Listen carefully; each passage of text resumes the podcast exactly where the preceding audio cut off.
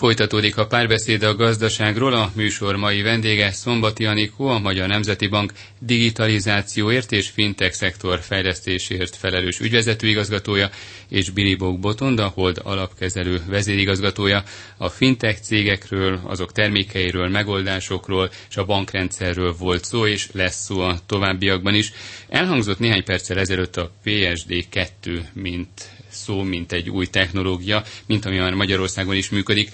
Vagyis a fintek, illetve ezek a megoldások nem csak arról szólnak, hogy van egy számlám, vagy egy virtuális számlám, és arról tudok költeni, vagy akár pénzt felvenni, vagy olcsóbban váltani pénzt? Szombati Anikó? Nem, nagyon sokféle megoldás és ö, olyan könnyítés van már jelen a piacon, ami azt szolgálja, hogy a fogyasztók egyrészt jobban átlássák a saját pénzügyeiket, másrészt pedig amikor költésre kerül a sor, az sokkal egyszerűbben és gyorsabban teljesülő módon hajtsák végre.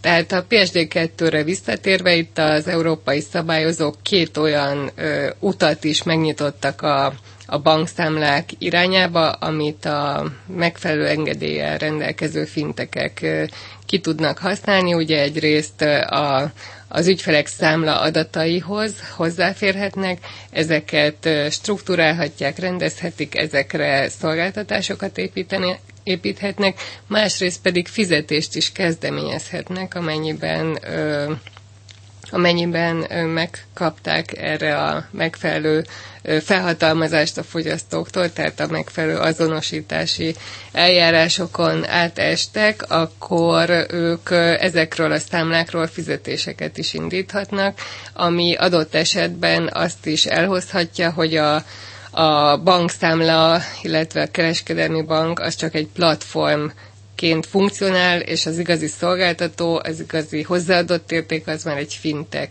cég, és a fintech cégek összessége az, akik a, az emberek pénzügyeit ö, irányítják, vagy a költéseik onnan, onnan indulnak, és a, a bank az csak egy végrehajtó lesz. Vagyis akkor akár abban is segített, hogy hol vegyek föl egy hétre, egy hónapra mondjuk így hitelt, vagy hogyha túlcsordulna a számlám, túl sokat költenék, akkor melyik számlámról, vagy akár még, még, még hogy milyen tőzsdei részvényt megyek meg. Szóval akár ezek a megoldások még pénzügyi tanácsokat is adhatnak, Billy Bogboton? Egész, egész biztosan igen. Tehát a tanácsadás az, az ma már elkezdődött.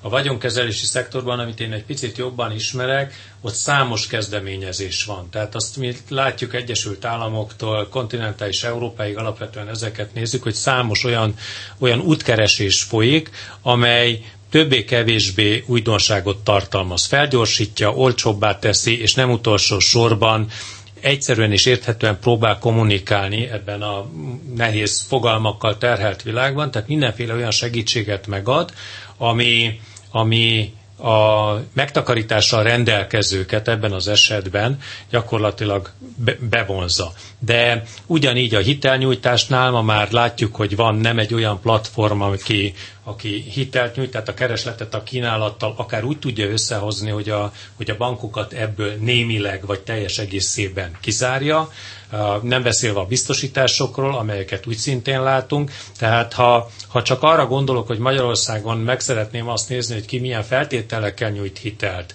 vagy milyen feltételekkel tudom ott a mm, ugye betétben vagy nem betétben a, a megtakarításaimat rövid középtávon parkoltatni, ma már több összehasonlító oldal működik, pontosan úgy, mint hogyha éppen nem tudom, hűtőszekrényt szeretnék vásárolni. Össze tudom hasonlítani az egyes szolgáltatókat. Ugye tanácsadás. Hogyha azt nézzük, akkor a fintech és a kereskedelmi bankok egymás mellett megvannak, egymást segítő tényezők vagy csoportok, vagy egymás mondjuk így ellenségei. Szombati Anikó? Mm, attól függ, attól függ, hogy milyen szolgáltatásokról van szó. Tehát, Tehát nyilvánvalóan a, a fizetési szolgáltatások terén, mert nagyon sok hazai és külföldi fintech cég is jelen van a piacon. Itt egyértelműen kihívóként vannak jelen a, az új innovátorok, de nagyon sok olyan fintech cég van, akik a bankok belső működését, vagy pedig akár a külső kapcsolattartását segítik, modernizálják, és szabják az ügyféligények alapján, és ez a trend nem csak Magyarországon figyelhető meg, hanem globálisan is már a, a fintek aktivitásnak egy egyre jelentősebb része jelenik meg ebben az úgynevezett B2B szegmensben. Ugye a banki működésnél a legkézenfekvőbb az a távoli ügyfélazonosításra vonatkozó technológiai megoldások szállítása, tehát adott esetben egy egy billentyűzeten való ö, gépelés alapján is beazonosítható valaki, de akár ö, bármiféle ö, biometriai azonosítók alapján, és ezek, ezeket a, a mm, termékeket vagy, vagy szolgáltatás elemeket a bankok házon belül viszonylag lassan, körülményesen fejlesztik le, és sok külső szolgáltató pár hónapos átfutási idővel tudja ezeket kulcsra készen ö, ö, szállítani, és hogyha megkötetik a, az üzlet, akkor ez mindenkinek jó, hiszen a bank gyorsan kap egy, egy modern szolgáltatást, míg a szolgáltató egy ilyen együttműködésen keresztül hirtelen nagyon sok ügyfélhez tud eljutni, hirtelen megnő a, az ügyfélköre. Billy Bogbotond. Verseny. Tehát, hogy a fintek az szerintem egyértelmű versenytársam a, a bankoknak, és ez egy picit azt mondom, filozófiai, de, de sokkal inkább szabályozási kérdés, hogy, hogy mi az, amit megengednek neki. E, mert egész egyszerűen szerintem arról van szó, hogy a bankok mögött van egy, egy, egy nagyon erős, hosszú, több évtizedes, egyébként most trendjében erősödő szabályozási környezet, 2008 óta, egyébként volt ilyen korábban is az elmúlt évszázadban tapasztaltunk már ilyet, ezek a trendek elég hosszúak. És most ebben vagyunk. Egyre bonyolultabb, egyre, egyre, egyre költségesebb, ha úgy tetszik, egyre erőforrás igényesebb ez a szabályozás. Miközben jön egy fintek a semmiből, akinek van egy ideája, ezt elkezdi ugye megvalósítani, lefejleszteni, egyáltalán nem biztos, hogy ezek a szabályozások első körben vonatkoznak rá. És innen jön a szabályozás, illetve a filozófiai kérdés, hol kell belépni a szabályozásnak. Vajon a, ezek az ideák, illetve azok, akik ezeken gondolkodnak, előbbre járnak-e a szabályozónál, vagy sem. Tehát én azt gondolom, hogy a PSD2 az többé-kevésbé annak a felismerése, hogy be kell valamilyen úton, módon integrálni kell a finteket, ha úgy tetszik, vagy ezt az ideát, ezt be kell vinni a kereskedelmi banki rendszerben, mert ha nem, akkor a fintek azt el tud húzni fényévekkel, és nagyon gyorsan mellette. Fina, pénz van a világban, kamatok nincsnek, pénz van, finanszírozás van, 10 milliárdokat, 100 milliárdokat költenek ma évente ezekre az ideákra, tehát itt előbb-utóbb egészen biztosan megjelenik olyan, ami jelentős és komoly versenyt fog támasztani a kereskedelmi bankokkal. Hogy erre a kereskedelmi bankok a jelenlegi pénzügyi közvetítő rendszer milyen módon válaszol, az is értelmszerűen vegyes lesz, tehát lesz, aki azonnal válaszol, lesz, aki később, de itt a szabályozásnak azt gondolom, hogy óriási és nagyon-nagyon nehéz eh, helyzetben levő szerepe van. Akkor mielőtt a kereskedelmi bankok jövőiről beszélnénk, Szombati Anikó ki és hogyan ellenőrzi ezeknek a cégeknek a működését? Mert most, hogyha valaki szeretne egy ilyen fintech cégnél egy bankkártyát, kvázi egy számlát, vagy szeretne onnan költeni, ír egy, beírja a telefonszámát, a nevét egy applikációba, feltölti a személyazonosító igazolványának a fotóját, és megnyílik az a számla, és tud pár hét múlva, vagy pár nap múlva fizetni, ha megérkezik a kártya, de lehet, hogy azt se tudja, hogy Észtországban, Írországban, az Egyesült Királyságban, vagy Németországban van-e az a cég, amelyikkel ő kvázi szerződött. Szóval ki ellenőrzi hogyan ezeket a fintech cégeket?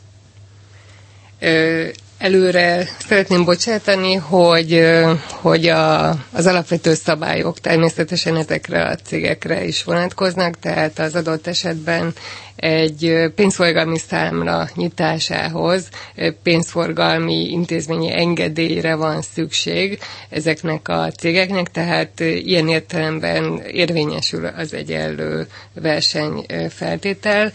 Más kérdés, hogy Magyarország az Európai Unió része, egységes belső piacon működünk, és ezért az Európai Unióban bárhol lehet ilyen jellegű engedélyeket megszerezni, és az pedig azért a, egy gyakorlati tény, hogy az engedélyezési eljárás nem teljesen uniformizált minden országban, tehát vannak könnyebben és nehezebben engedélyező tagországok mindezek mellett is, és valóban Ugye itt, itt már elhangzott a, a gyakorlati ö, ö, életből vett példa, hogy valaki menny, mekkora bizalommal van ezen szolgáltatók iránt, mekkora összeget helyez arra a bankszámlára, csak akkorát, ami a következő három napi utazásához szükséges, vagy pedig a megtakarításait. És ugye itt az a kérdés, hogyha ne adj Isten, nem lenne meg az a pénz, akkor hova lehet fordulni, és ugye a, az adott engedélyt kiadó és a felügyeletet ellátó hatósághoz kell fordulni, de nem biztos, hogy a kedves ügyfél egyetlen tudatában van annak, hogy hol van ez a hatóság, hova kell fordulnia, tehát például egy, egy Revolut esetében a, a, a Bank of Englandhez kell fordulnia, más cég esetében máshova, és nem biztos, hogy ő ott magyar nyelven megfelelő időn belül választ kap az ő kérdésére, vagy a panasztát kellően gyorsan fogják kezelni.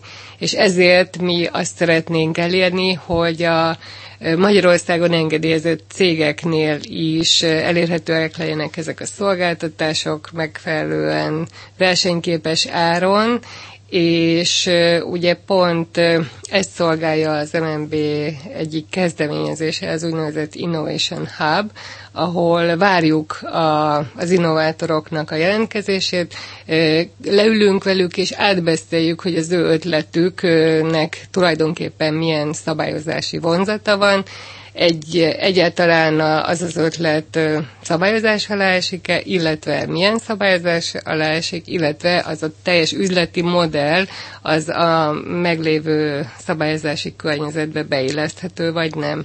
Ugye ez egyrészt támogatja az ő gyors piacra lépésüket, másrészt minket is támogat abban, hogy megismerjük, hogy hogy működik a piac, hogy milyen szereplők vannak, és ki tudunk építeni egy olyan tudásbázist, meg nyilván egy olyan, olyan ö, hálózatot, ahol az általunk ismert és, ö, és ö, későbbiekben felügyelt cégekkel tartjuk a kapcsolatot. Billy Botond, ugye említette, hogy annyi pénzt rak a számlájára, amennyire szüksége van. Ez azért van, mert nem érzi teljesen biztonságban ott a pénzét, vagy nem tűnik olyan biztonságosnak, vagy azért, mert új. Szóval a, ezt a hozzáállást miért tesz, illetve miért ilyen Ugye egy kialakult, kialakult intézményrendszerben, mint a pénzügyi intézményrendszerben, ott többé-kevésbé tudjuk, hogy, hogy, vagy azt gondoljuk, hogy tudjuk, de mindenképpen élményekkel rendelkezünk arról, hogy biztonságban van, vagy nincs biztonságban a megtakarításunk, a pénzünk.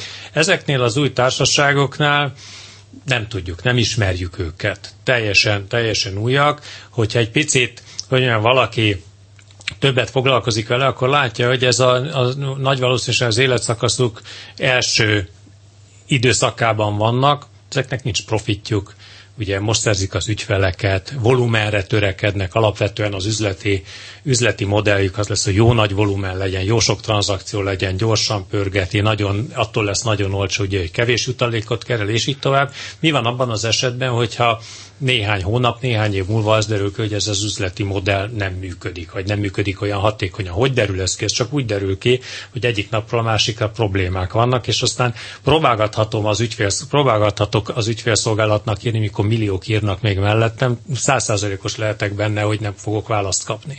Tehát, hogy nincs szerintem az a szabályozás, ami ezt ilyen tekintetben rendbe tudja tenni. Nagyon nehéz, tehát én azt gondolom, hogy, hogy valamilyen úton, módon, hogyha ha, ha lehetne, akkor bocs, hogy a, a, azt gondolom, hogy a szabályozásnak is egyfajta ilyen tech, tech irányba el kellene, tehát ne, valahogy úgy gondoltam, hogy legyen fettek, vagy nem tudom, ECB tech, vagy hogy valamilyen. Egész egyszerűen szabályozói oldalról az nagyon-nagyon lényeges, hogy, a, hogy ezek a megjelenő, és egyébként nagyon széles körben használt, tehát mindenki előtt ismert, vagy azt, azt gondolom, hogy számosságában jól látható szolgáltató kockázataira felhívjuk a figyelmet mindenki a maga sikerének a kovácsa, tehát én nem gondolom azt, hogy nem tartozok azok táborába, aki azt mondja, hogy ezt meg kell akadályozni, meg le kell. Egész egyszerűen a lehető leghatékonyabb csatornákon keresztül fel kell arra hívni a figyelmet, hogy lehet, hogy itt holnap után egyébként nem, nincs, vagy nehezen tudom, a, tudok hozzájutni a megtakarításhoz, vagy az ott levő, ott levő kis vagyonkámhoz. Vagyis akkor ezek a fintech cégek nem csak, hogy a kereskedelmi bankok versenytársai is, hanem versenybe hívják a jegybankokat is? Hogy mit lehet velük kezdeni?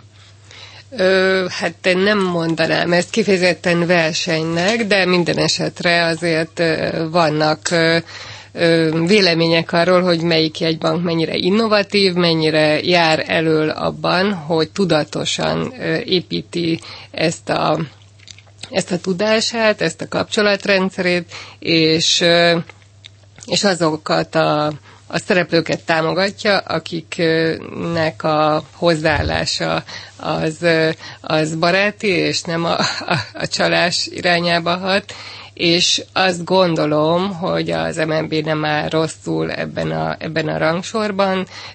A szükebb régiókban mindenképpen mondhatom azt, hogy, hogy mi vagyunk a legaktívabbak a kezdeményezéseinkkel, de talán Európán belül is van pár olyan csomópont, ahol a, a jegybankok már kellően sokféle csatornán keresztül kapcsolódnak ehhez a szektorhoz. Tehát mi 2017-ben kezdtük ezt a, ezt a munkát egy széleskörű felméréssel, konzultációs anyaggal, és 2018-ban indult el a már említett Innovation Hub platformunk, és 2018 végén a régióban elsőként lehet nálunk regulatory sandbox keretében tesztelni, ami azt jelenti, hogy a, az ötleteknek a piacképessége úgy tud kiderülni, hogy valódi fogyasztókon tesztelik a,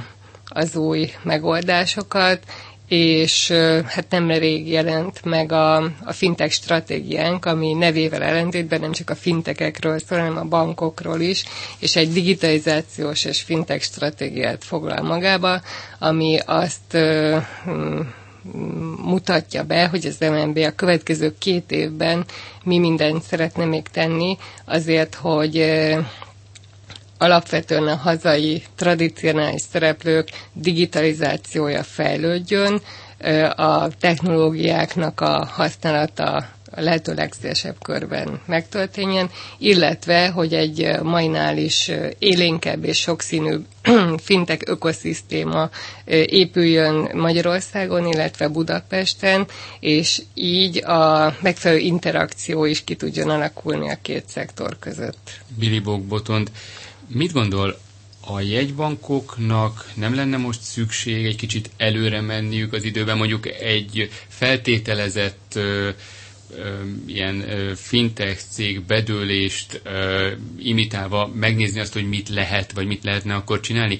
Nem lenne szükség egy európai központra, vagy valami olyasmire, ami után bárki bízhatna abban, hogyha történik a brit céggel, az észt, vagy a német, vagy a francia fintech céggel valami, akkor mégis ő biztonságban van, és nem három millió ügyfél közül lesz az egyik levél az övé, hanem mondjuk a hazai hatóság, vagy egy központi hatóság tudja ezeket kezelni.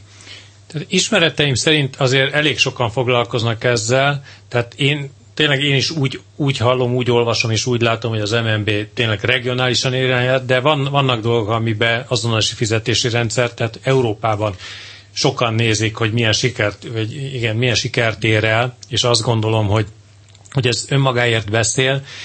A, a kérdésre a konkrét válasz, nekem az az érzésem, hogy lehet ez irányba lépéseket tenni, persze lehet, sok mindent lehet, de ugye vannak azonosítható kockázatok, tehát van olyan, amire tudunk gondolni, de a legnagyobb meglepetést, a legnagyobb kockázatot az mindig azt jelenti, amit nem ismerünk. Tehát amit nem ismerünk, amivel nem számolunk, ami, amit nem várunk, az messze-messze a legnagyobb kockázat. És ezek léteznek. Számos anyagban láttam ezzel kapcsolatosan is. Tehát szerintem a szabályozó is tisztában van azzal, hogy vannak olyan kérdések, amelyeket sajnos a gyakorlat fog megmutatni. Ezzel együtt kell élni. Tehát ez, ez, ez így halad előre a világ. Szombati Anikó?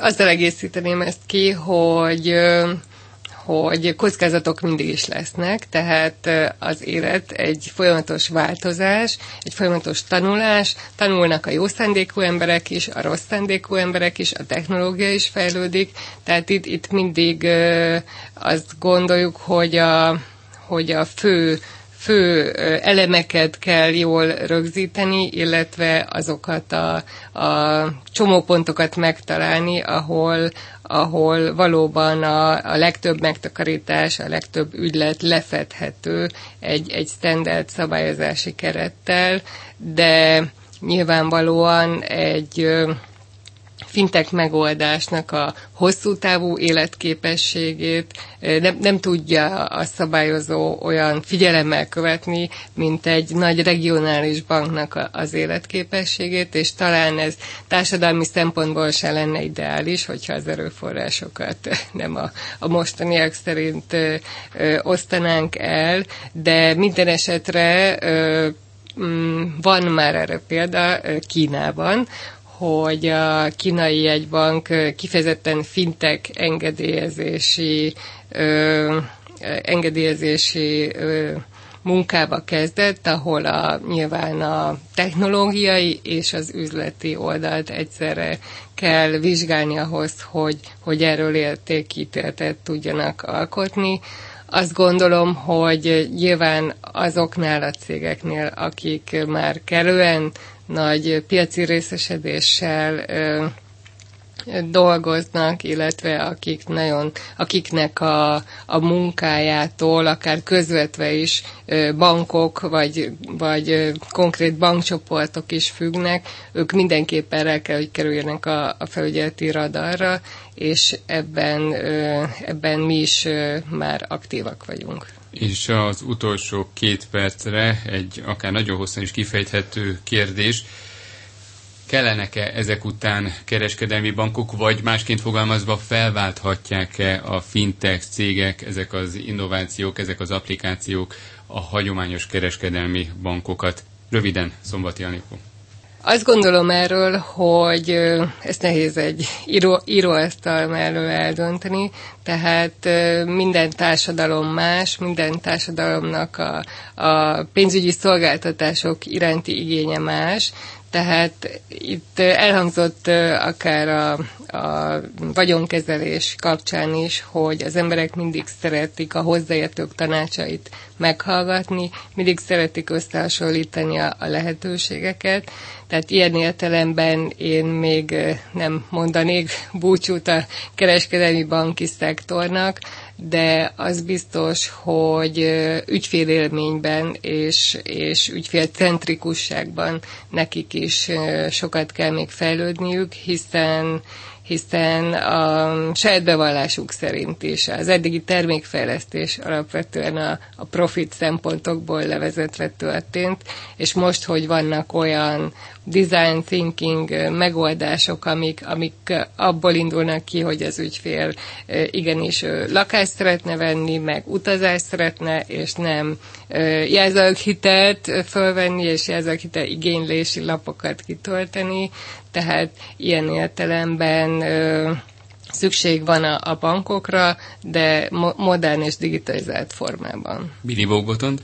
Viszonylag rövid, de szerintem szemléletes az a válasz, hogy néhány évvel ezelőtt valószínűleg az Inforádióban is sokszor elhangzott, hogy melyik közepes bank érte el a száz fiókot. Ugye ez lehetett olyan 7-8 éve, vagy 5, igen, körülbelül. Arról már nem szól a fáma, hogy a fiókbezárások elkezdődtek, és azok, akik ünnepelték a száz fiók elérését, azok ma jóval száz fiók alatt működnek, és a fiók számuk csökken. Mi következik ebből? Hogy jelentősen megváltozik. Megváltozott, megváltozott már a környezet, és kb. ugyanilyen ütemben fog változni, tehát én nem lepődnék meg, hogyha valaki csak néhány fiókkal, vagy néhány tíz fiókkal működne a jövőben, három-négy-öt év múlva. Köszönöm, hogy itt voltak a párbeszéd a gazdaságról. Mai vendége Szombati Anikó, a Magyar Nemzeti Bank ügyvezető igazgatója, és Biri Bogbotonda, a alapkezelő vezérigazgatója volt. A műsort visszahallgathatják az infostart.hu oldalon, illetve megnézhetik az Inforádió YouTube csatornáján. A műsor elkészítésében Szécsi Ágnes és Módos Márton főszerkesztő vett részt. A műsorvezetőt Király István Dánielt hallották. Köszönöm a figyelmüket, viszont hallásra!